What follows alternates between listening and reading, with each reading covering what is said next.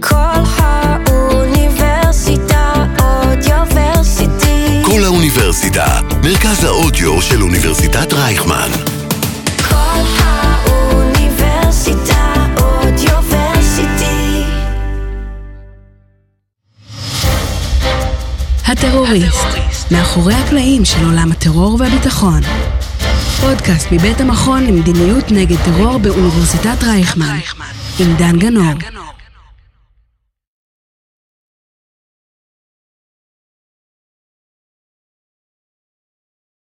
טוב, שלום לכולם, ברוכים הבאים לעוד פרק של הטרוריסט, אה, הפודקאסט הרשמי של המכון למדיניות נגד טרור וכל האוניברסיטה, אה, 106.2 FM.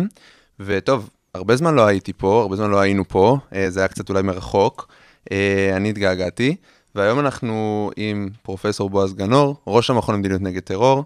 אה, והאמת שאני רוצה, אנחנו רוצים לעשות את זה גם סוג של איזשהו קונספט קבוע, כי אני חושב שחסר לפעמים איזשהו משהו איטי כזה, שייתן לנו להבין שנייה מה המצב בזירה הביטחונית. עזוב, בוא נגיד את האמת, הרי. אני אבא שלך, ומה שאנחנו רוצים זה בעצם לתת אפשרות לצופים לשמוע את השיחות הפנימיות שאנחנו מקיימים במשפחה. אה, כן, על לא, לא עד תחום הסוף, הביטחון בדיוק, לא עד כן. הסוף, לא עד הסוף, אבל אפשר, לקרוא לזה ככה, אז אנחנו ננסה, אה, אנחנו נקרא לזה מדברים ביטחון, ואנחנו נמסגר את זה לתחום של ביטחון, וזה באמת ייתן לנו ככה אפשרות לבוא מדי פעם ולראות מה המצב, ולתת איזושהי ביקורת תקופתית כזאת. אז באמת, היום אנחנו נמצאים... אתה יודע, אפילו הבוקר, בתקופה מאוד מאוד אינטנסיבית מבחינה ביטחונית, הבוקר, לצערנו, הפיגוע בעיר העתיקה, אה, שוטרים נפצעו, ואנחנו ברצף מטורף באמת של פיגועים, אה, הפיגוע במחסום, אה, אה, במחסום מכבים, והיה לנו את הפיגוע בקריית ארבע, והיה לנו את גובה האריות שתכף נדבר עליו, אבל אני באמת מתחיל מהשאלה הבסיסית, שאולי באמת אין לה תשובה. מה קורה? כאילו, אין חגים. אתה יודע, זה תמיד התירוץ, או רמדאן, או, או חמאס מסית, או מבצע בעזה. מה קורה עכשיו?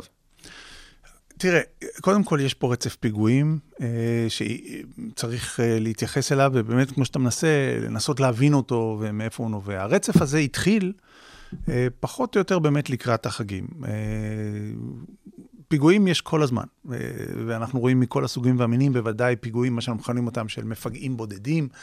אה, והפיגועים האלה הם פיגועי השראה, שאחד מושפע מהשני, ובדרך כלל כשמתחיל אחד, יש אחד שאחריו. אבל פה נראה שיש משהו שהוא קצת מעבר לזה. אה, חלק מה- מהפיגועים הם פיגועים קצת יותר ממוסדים, אה, גם פיגועי גובה האריות, שבוודאי נשוחח עליהם, הם יותר ממוסדים מפיגועי הזאבים הבודדים או המפגעים הבודדים. עדיין אנחנו לא רואים פיגועים מאורגנים, פיגועים שמתוכננים, יזומים ומוצאים על הפועל על ידי חוליות טרור של ארגוני טרור. ולכן, כשאני אני שומע באמת אה, מהציבור, אני שומע בתקשורת, מצד אחד את, ה, את העובדה שאנשים מאוד מאוד מוטרדים מהעלייה הזאת, ומצד שני, אנשים לוקחים את זה לפעמים לקיצוניות של אנחנו נמצאים פה בגל, גל חסר תקדים, אינתיפאדה שלישית, אה, וכמובן מזה גם נגזרת, נגזר הרעיון העוועים אה, של אה, בואו נעשה אולי חומת מגן 2 וכן הלאה. אנחנו עוד לא שם, מקווה שלא נהיה שם. אולי נגיע, אבל אנחנו לא שם. מנסים לנסות ו- ו- ו- ולהבין מה המכנים המשותפים של הפיגועים האלה, רצף הפיגועים שאנחנו רואים, אז באמת רובם פיגועים של אה, בודדים. באמת אנחנו רואים פרופיל של אנשים מבוגרים יותר ממה שאנחנו הכרנו אה, בעבר, וזו תופעה מעניינת שאני עוד לא יודע לתת לה אה, הסבר. אולי אפשר להסביר את זה עם העובדה שחלקם אה, נמצאים או במשבר כזה או אחר, או ברצון למות, או אחד המפגעים היה עם מחלה סופנית אה, וכן הלאה וכן הלאה, וזו תופעה שכבר ראינו בעבר. אה, תופעה שמאוד אופיינית למחבלים בודדים, שהם אה, אה, עושים את הפיגוע על רקע משבר שלא קשור בכלל, לא לסכסוך ולא לחגים ולא לשום דבר אחר. אה, זה המוצא הנכון שלהם מהחיים, אה, בעיניהם. אה, מוצא עם הרבה גלורי, עם אה, אולי אפילו פנסיה אה, טובה למשפחה וכן הלאה וכן הלאה. ו, ויש צבר שהוא גם נובע מהשראה אה, אה, מתמשכת מפיגוע אחד לפיגוע שני. יש שיגידו שהדבר גם אה, בא לידי ביטוי עקב חוסר משילות, או ירידה במשילות אה, של הרשות הפלסטינית. זה נכון, אבל אה, אני חושב שזה נכון לכל השנה האחרונה, אולי אפילו לתקופה ארוכה יותר. זה לא בדיוק מסביר עכשיו, מה קורה בדיוק, עכשיו. את, את הגל הזה דווקא עכשיו.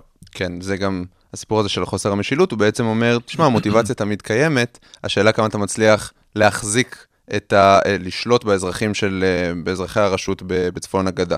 כן. אבל אני באמת רוצה להתמקד בגובה האריות שקצת הזכרת אותם, וזה ארגון, קבוצה, תא, כנופיה, כמות השמות ששמעתי לזה בתקשורת הישראלית היא באמת, אף אחד לא יודע איך להתייחס לזה.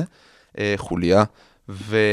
ובוא נדבר על זה שנייה. מה זה הדבר הזה? זאת אומרת, אנחנו רואים פה מה ש... אני אגיד לך מה אני ראיתי. אני ראיתי חבורה של אה, צעירים, ספציפית מאזור שכם, שמאוד מאוד אה, קיצוניים בהשקפתם, כמובן אה, בעלי אידיאולוגיה אסלאמיסטית, מבצעים פיגועים.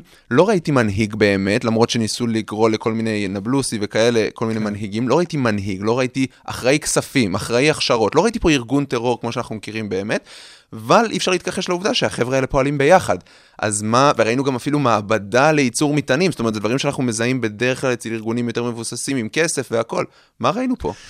אז בואו נעשה טיפה זום אאוט מה, מהאירוע הזה, ונחזור חזרה לאירוע שנקרא אה, גובה האריות. אה, בעיקרון, אפשר לחלק את כל הטרור בעולם ואת כל הטרוריסטים בעולם לשלוש קבוצות. הקבוצה הראשונה, התחלנו לדבר עליה בשיחה שלנו, וזה באמת המחבלים הבודדים, האינדיבידואלים, הכינוי שנדבק להם זה הזאבים הבודדים. אלה הם מחבלים שעברו תהליך רדיקליזציה, אה, בדרך כלל אונליין, ומתחילים להזדהות עם נושא, עם ארגון ספציפי, ויום אחד הם מחליטים שהם רוצים לבצע אה, אה, פיגוע. אגב, הם רואים את עצמם ברוב המקרים גם חיילים של, אנחנו דאעש, אנחנו אל-קאעידה, אנחנו חמאס. שזה מאוד מבלבל, כי בסוף, מאוד מבלבל. בסוף גם באים לשירותי הביטחון בטענה, הוא דאעש, איך לא נכון, ידעתם? נכון. אבל אומרים, אין, אין שום קשר. ואין שום קשר, ו- וזה עוד יותר מבלבל מזה, כי בחלק גדול מהמקרים, דאעש ייקח אחריות על הפיגוע אחר כך, שהוא ישמע שהוא אמר שהוא דאעש, למה לא? זה ארוחת חינם. בוא ניקח את זה. אז דאעש יגיד, ואל-קאעידה יגיד וכן הלאה. זה סוג אחד של מחבלים, אה, אה, אה, שזה הזאבים הבודדים, או המפגעים הבודדים. הם לא גויסו לארגון טרור, הם לא הוכשרו על ידי ארגון טרור, הם לא אה, קיבלו סיוע מבצעי מארגון טרור, והם לא חוליה של ארגון טרור. הקבוצה השנייה, זה הקבוצה שאני מכנה אותה רשתות טרור, או רשת טרור. רשת טרור זה בעצם קבוצה של זאבים בודדים. יש כאן טאוטולוגיה, זאת אומרת, אתה אומר בודדים, אז פתאום אתה מדבר איתי על קבוצה. זה קבוצה של אנשים שבדרך כלל חברים קרובים, או משפחה, או יש להם איזשהו קשר כזה או אחר, שעברו תהליך רדיקליזציה ביחד, ובשלב מסוים הם מחליטים להתחיל לבצע פיגועים. שוב, הם רואים את עצמם כשלוחם של, או, או פועלים למען המטרה הזו או המטרה האחרת, אבל הם לא גויסו לארגון טרור, הם לא הוכשרו על ידי ארגון טרור, הם לא חוליה של ארגון טרור. והקבוצה השלישית זה... רגע, יש לך עוד דוגמאות אפרופו לקבוצה השנייה הזאת? בוודאי. אם אתה זוכר, היה פיגוע לפני מספר שנים בברצלונה. אה, חוליה יחסית גדולה, אם אני לא טועה, היו מעל עשרה אנשים, אולי אפילו 15 אה, איש. התארגנו ביחד, הכינו מטעני חבלה, הכינו אגב אה, חגורות נפץ, פוני, אבל חגורות נפץ, ביצעו פיגועי ירי וכן הלאה וכן הלאה, בסוף חיסלו את כל, ה, את כל הרשת הזאת.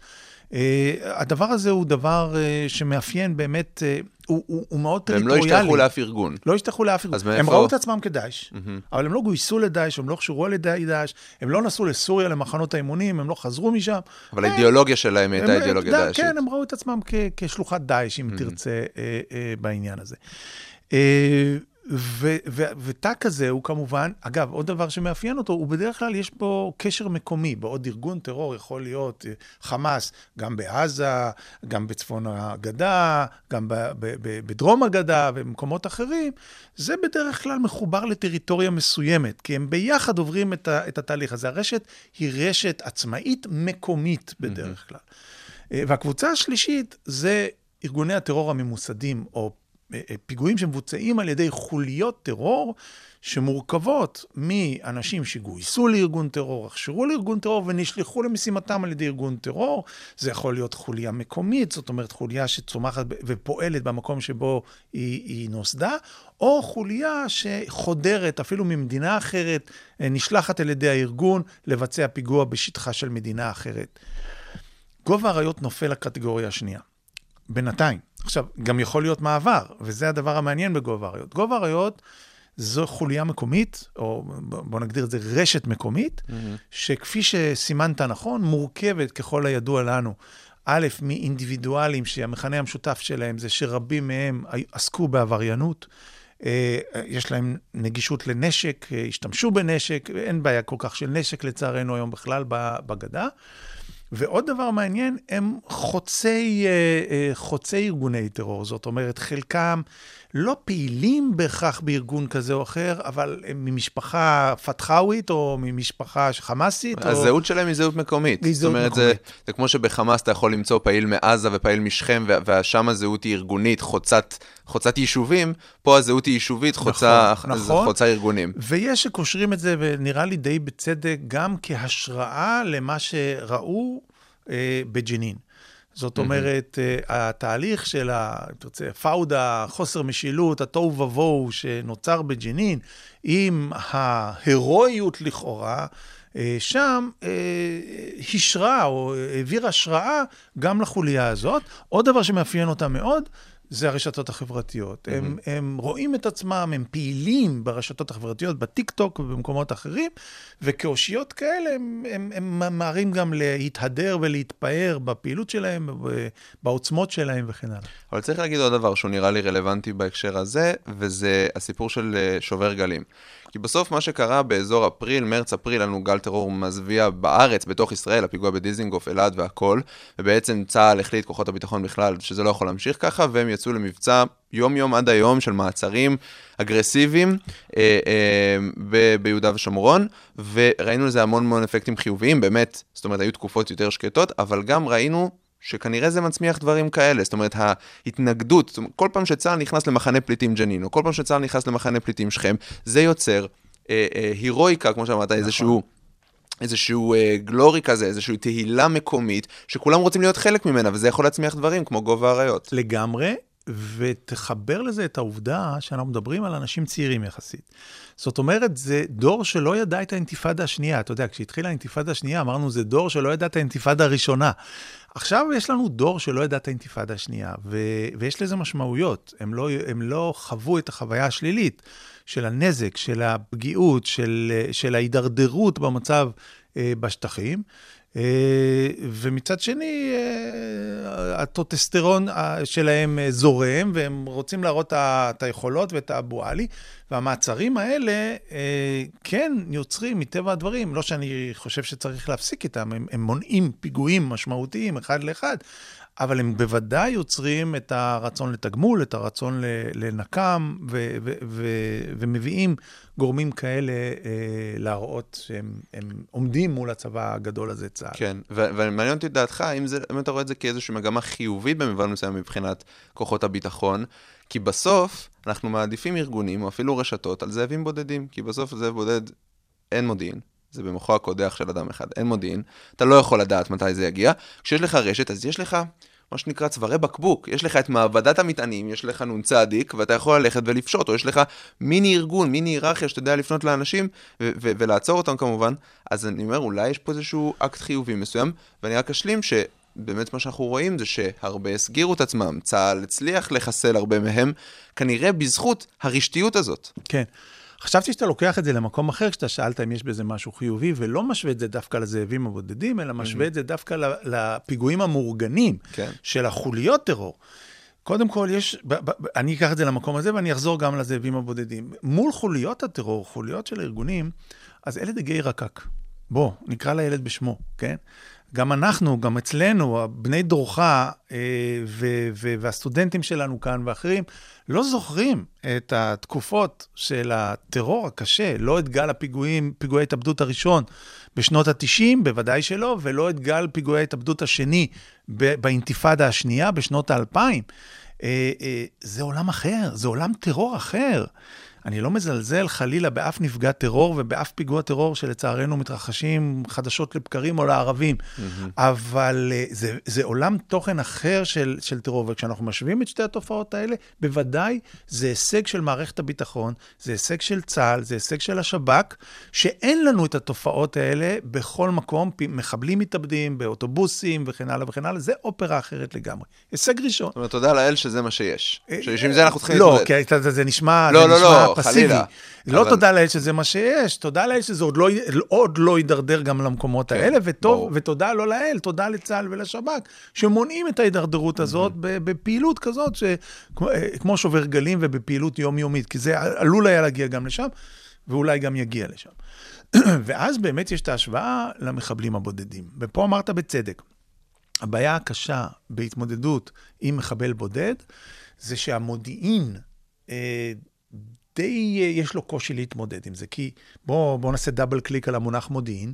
מה זה מודיעין? מודיעין Human to Common, מודיעין אנושי או מודיעין תקשורתי, מבוסס על העובדה שהגוף המודיעיני מיירט שיחה בין שני אנשים.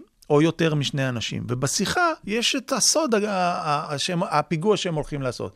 אז או שיש לך מישהו ששומע את זה, וזה המודיעין האנושי, והוא מספר למפעיל שלו שאלה הולכים לעשות פיגוע, או שמדברים בטלפון, או מדברים במחשב, ואתה מיירט את השיחה הזאת.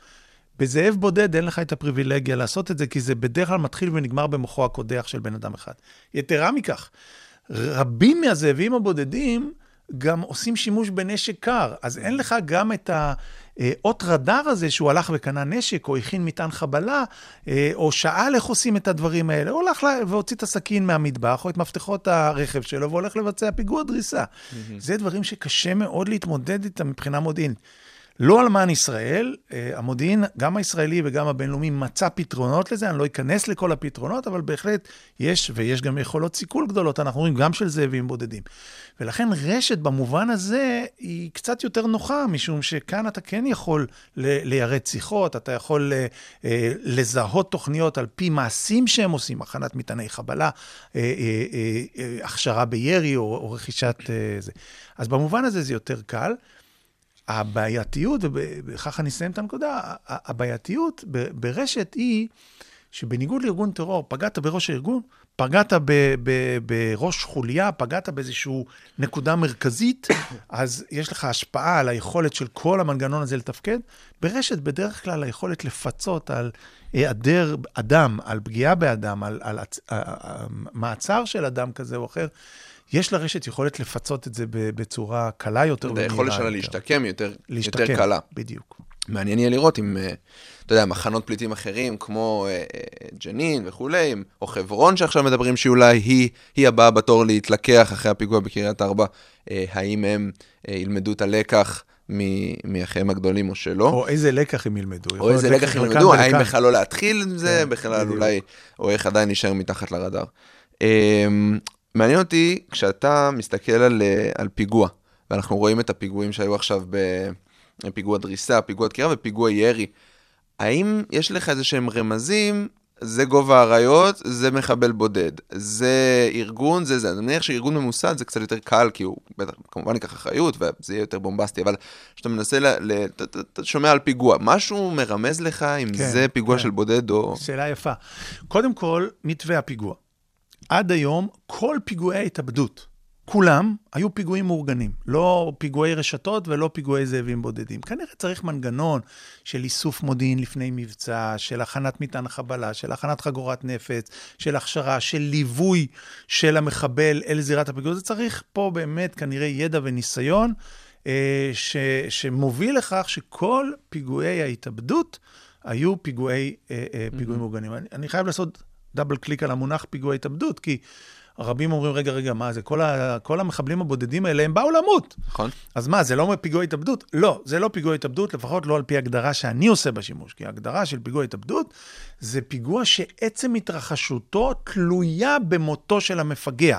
המפגע יודע שאו שהוא לוחץ על הכפתור, הורג את עצמו ודרך זה הורג אחרים, או שהוא לא לוחץ על הכפתור, לא הורג את עצמו, ואין פיגוע. הפיגועים האלה הם פיגועי הקרבה, אז בואו נעשה רגע... מה ההבדל אה, ברמה אז, הפרקטית? אז זה בדיוק ההבדל ברמה הפרקטית. ההבדל ברמה הפרקטית, שפיגועי הקרבה זה פיגועים של מחבלים, שיכולים להיות גם זאבים בודדים, שבאו מתוך ידיעה שהם יכולים למות, או מתוך אפילו רצון למות, כן? ותכנון למות. אבל זה לא הפיגוע מהסדר גודל של אה, פיגוע אה, התאבדות. בפיגוע התאבדות, המחבל אה, אה, מגיע עם מטען חומר הנפץ, אז הוא, הוא בעצם הפצצה החכמה של ארגון הטרור. מה זה פצצה חכמה? פצצה חכמה, אתה שולח אותה, והקורדינטות מתוכננות למקום הנכון, לזמן הנכון. זה בדיוק פיגוע התאבדות. זה לא מקרי, הוא לא עבר עם האוטו, ראה חייל והחליט שהוא דורס אותו, כן? Mm-hmm. הוא נשלח על בסיס מודיעין לבית קפה מסוים, בשעה מסוימת, ברחוב מסוים, מתוך ידיעה שיש שם קהל גדול, והוא מערבב את עצמו בקהל בצורך כזה, ואכן, מספרי הנפגעים של פיגוע התאבדות, זה בסדר גודל של עשרות נפגעים, לפעמים עשרות הרוגים אפילו, 20, אה, אפילו 30 הרוגים, ולפעמים מאות פצועים, בפיגוע אחד, כן? אז, אה, אז, אז קודם כל, על פי מאפיין הפיגוע, אני יודע לזהות את, ה, את הדבר הזה. אפשר לזהות את זה גם על פי העובדה של אה, נשק קר. תיקח את גובה האריות, אז הפיגועים שלהם זה לא פיגועי נשק קר. הם, אה, הם פיגועי ירי, מעצם העובדה שיש להם נגישות לירי. והבנו שגם הייתה מעבדת חבלה, זאת אומרת, גם היה לפחות תכנון, אם לא כבר שימוש, במטעני חבלה. ראינו את זה שהגיע ליפו ונעצר שנייה לפני. והיה בדיוק, עליו מטענים. בדיוק. זה כבר לא, זה כבר לא זאב בודד של, של סכין ו, ומפתחות של, של רכב. זה סיפור. אז המתווה כבר מספר לך פחות או יותר מי האיש. אני חושב שגם הפרופיל של האנשים יכול לספר לך את זה. Uh, המפגעים האחרונים, או חלק מהם היו בגילאים מבוגרים יחסית, שנות ה-50, שנות ה-40, mm-hmm. זה לא מאפיין כן. uh, uh, של, uh, של uh, חוליות טרור מאורגנות של ארגוני טרור, שהם צעירים יותר. אם אני מסכם רגע, אז במובן מסוים, המעבר הזה לרשתות, זה עומד בתוכו גם סיכון יותר גדול, כי המטמע המבצעי הוא יותר הרסני, יותר פצצות, אה, אה, יותר קטלני, מצד שני גם הזדמנות יותר גדולה לעצור מודיעינית. אותה, מודיעינית והכל. אה, ובאמת עכשיו אנחנו בסיטואציה פוליטית מאוד אה, רגישה בישראל, אחרי הבחירות. אה, מסתמנת ממשלה אה, ימנית בראשות הליכוד, אה, חברים בה גם אה, מפלגת הציונות הדתית, עם אג'נדה מאוד ברורה לגבי אה, לוחמה בטרור.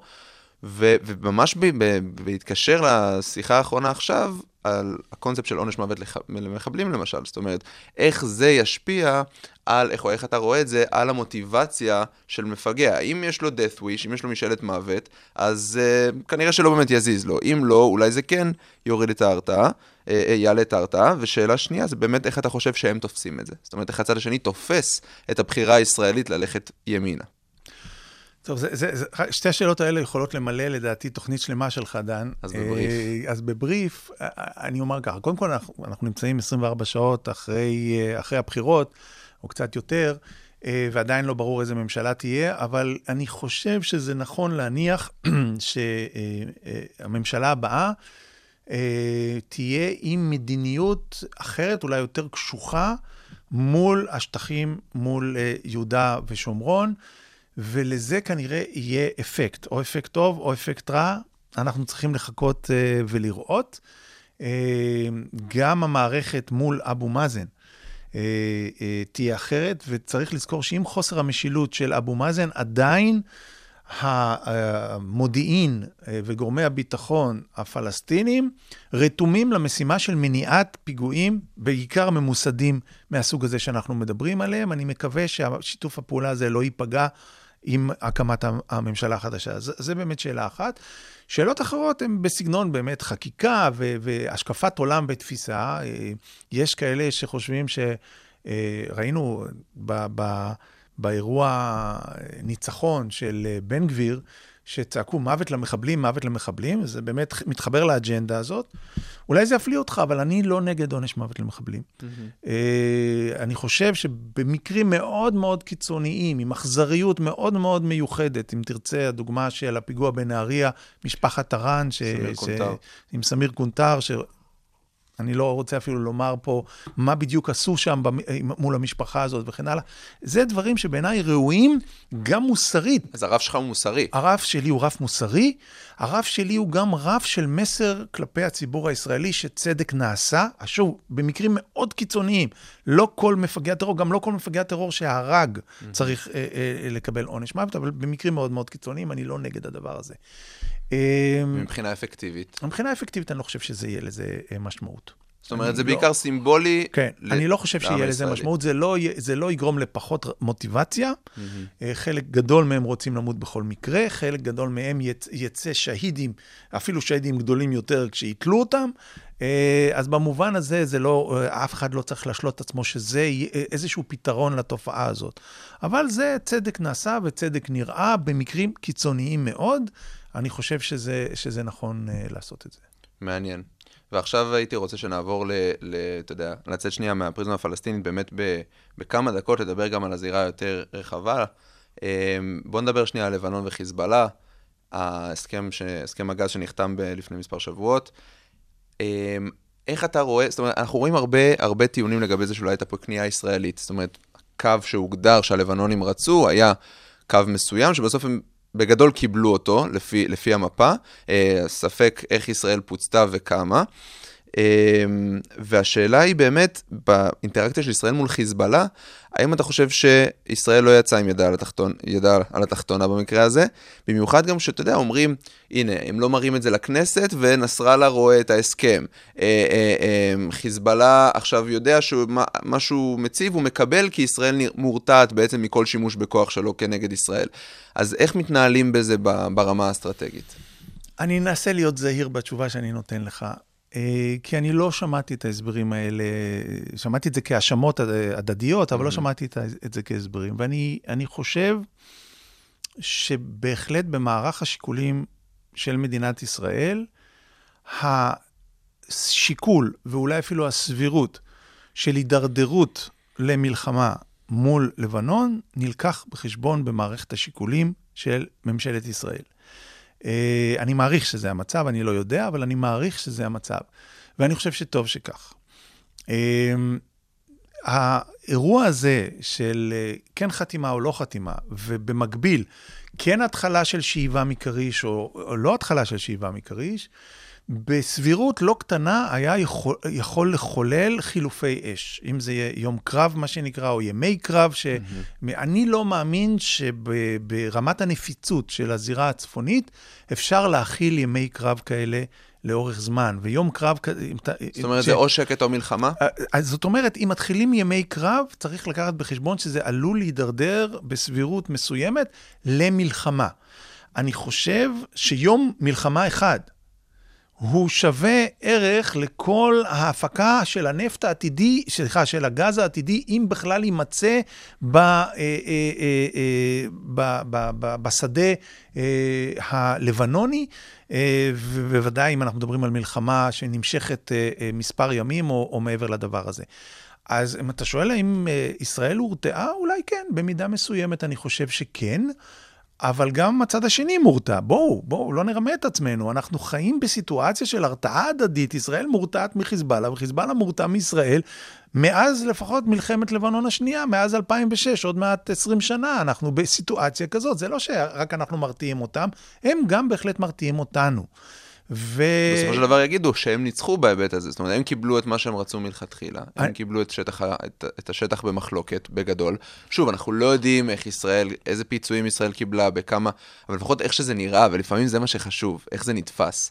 וזה נתפס, לפחות ל, לדעתי האמת, כ, כמשהו בעייתי מבחינה הרתעתית. במשא ומתן, אה, אתה יכול להתווכח על, על העוגה, ו, ואתה יכול להתווכח על איך מחלקים את העוגה, או אתה יכול להביא עוד עוגות.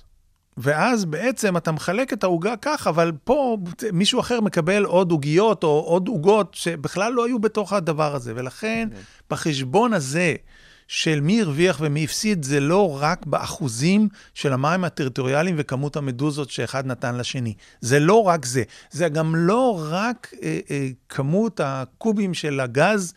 אה, או הערך, השווי ערך שלהם, ש, שישראל מקבלת או לא מקבלת, האם זה הרבה יותר או פחות יותר ממה שהייתה אלטרנטיבה אחרת. יש פה בהחלט גם אה, אה, מונחי רווח אחרים, של שקט בצפון, מונחי רווח שקשורים לאינטראקציה בין ממשלת לבנון, להסכם ראשון שנחתם בין ממשלת לבנון לממשלת ישראל, למסר לחיזבאללה. גם מצד הלבנונים, בוא, יש לנו הרבה אינטרסים אחרים חוץ מההתלהמות וה, וההסלמה שאתה מביא איתך. אני חושב שבסופו של דבר, זה היה המהלך הנכון מבחינת, מבחינתה של מדינת ישראל, ואם ישראל צריכה להגיע למלחמה עם חיזבאללה, ישראל תצטרך ותעשה את זה, ותעשה את זה טוב בסופו של דבר. נשלם מחירים כבדים על הדבר הזה, אבל יכול מאוד להיות שמלחמה כזאת היא בלתי נמנעת. באירוע הזה, היא הייתה נמנעת והיא הייתה צריכה להימנע. נושא ככה אחרון ש, שנסכם איתו, שאולי מגמה אפילו די חיובית ומעודדת בנושאים קודרים כאלה, אה, וזה איראן. ולמה אני קצת מעודד? כי אנחנו רואים בחודשים האחרונים את העולם במידה מסוימת מבין אם יש לו עסק, וזה בשתי מגמות. אחת זה המגמה של סערת החיג'אב, שבאמת העולם מבין כמה האיראנים הם פנאטים, כנראה הוא הבין את זה עוד לפני, אבל זה עולה עוד יותר, ואפילו הפעילים הפרוגרסיביים, הקיצוניים, ששונאי ישראל בדרך כלל גם יוצאים נגד איראן ומבינים אם יש לה עסק.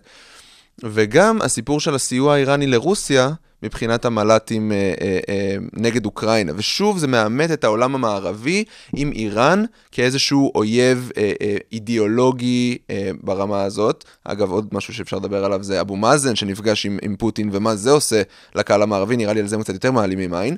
אבל האיראנים אה, אה, מאוד מאוד מתבצרים כאיזשהו אולי סין רוסיה איראן כזה. ו- ולא רק בעיה של ישראל, אלא בעיה של כל העולם, מה שאנחנו מנסים לפמפם כל הזמן. באמת זה ככה, או שאני משלה את עצמי? לא, לא, אני חושב שזה כך. אני חושב שהעולם היום הרבה הרבה פחות יציב והרבה הרבה פחות בטוח מלפני פרוץ המלחמה באוקראינה, ואפילו אולי מלפני ה...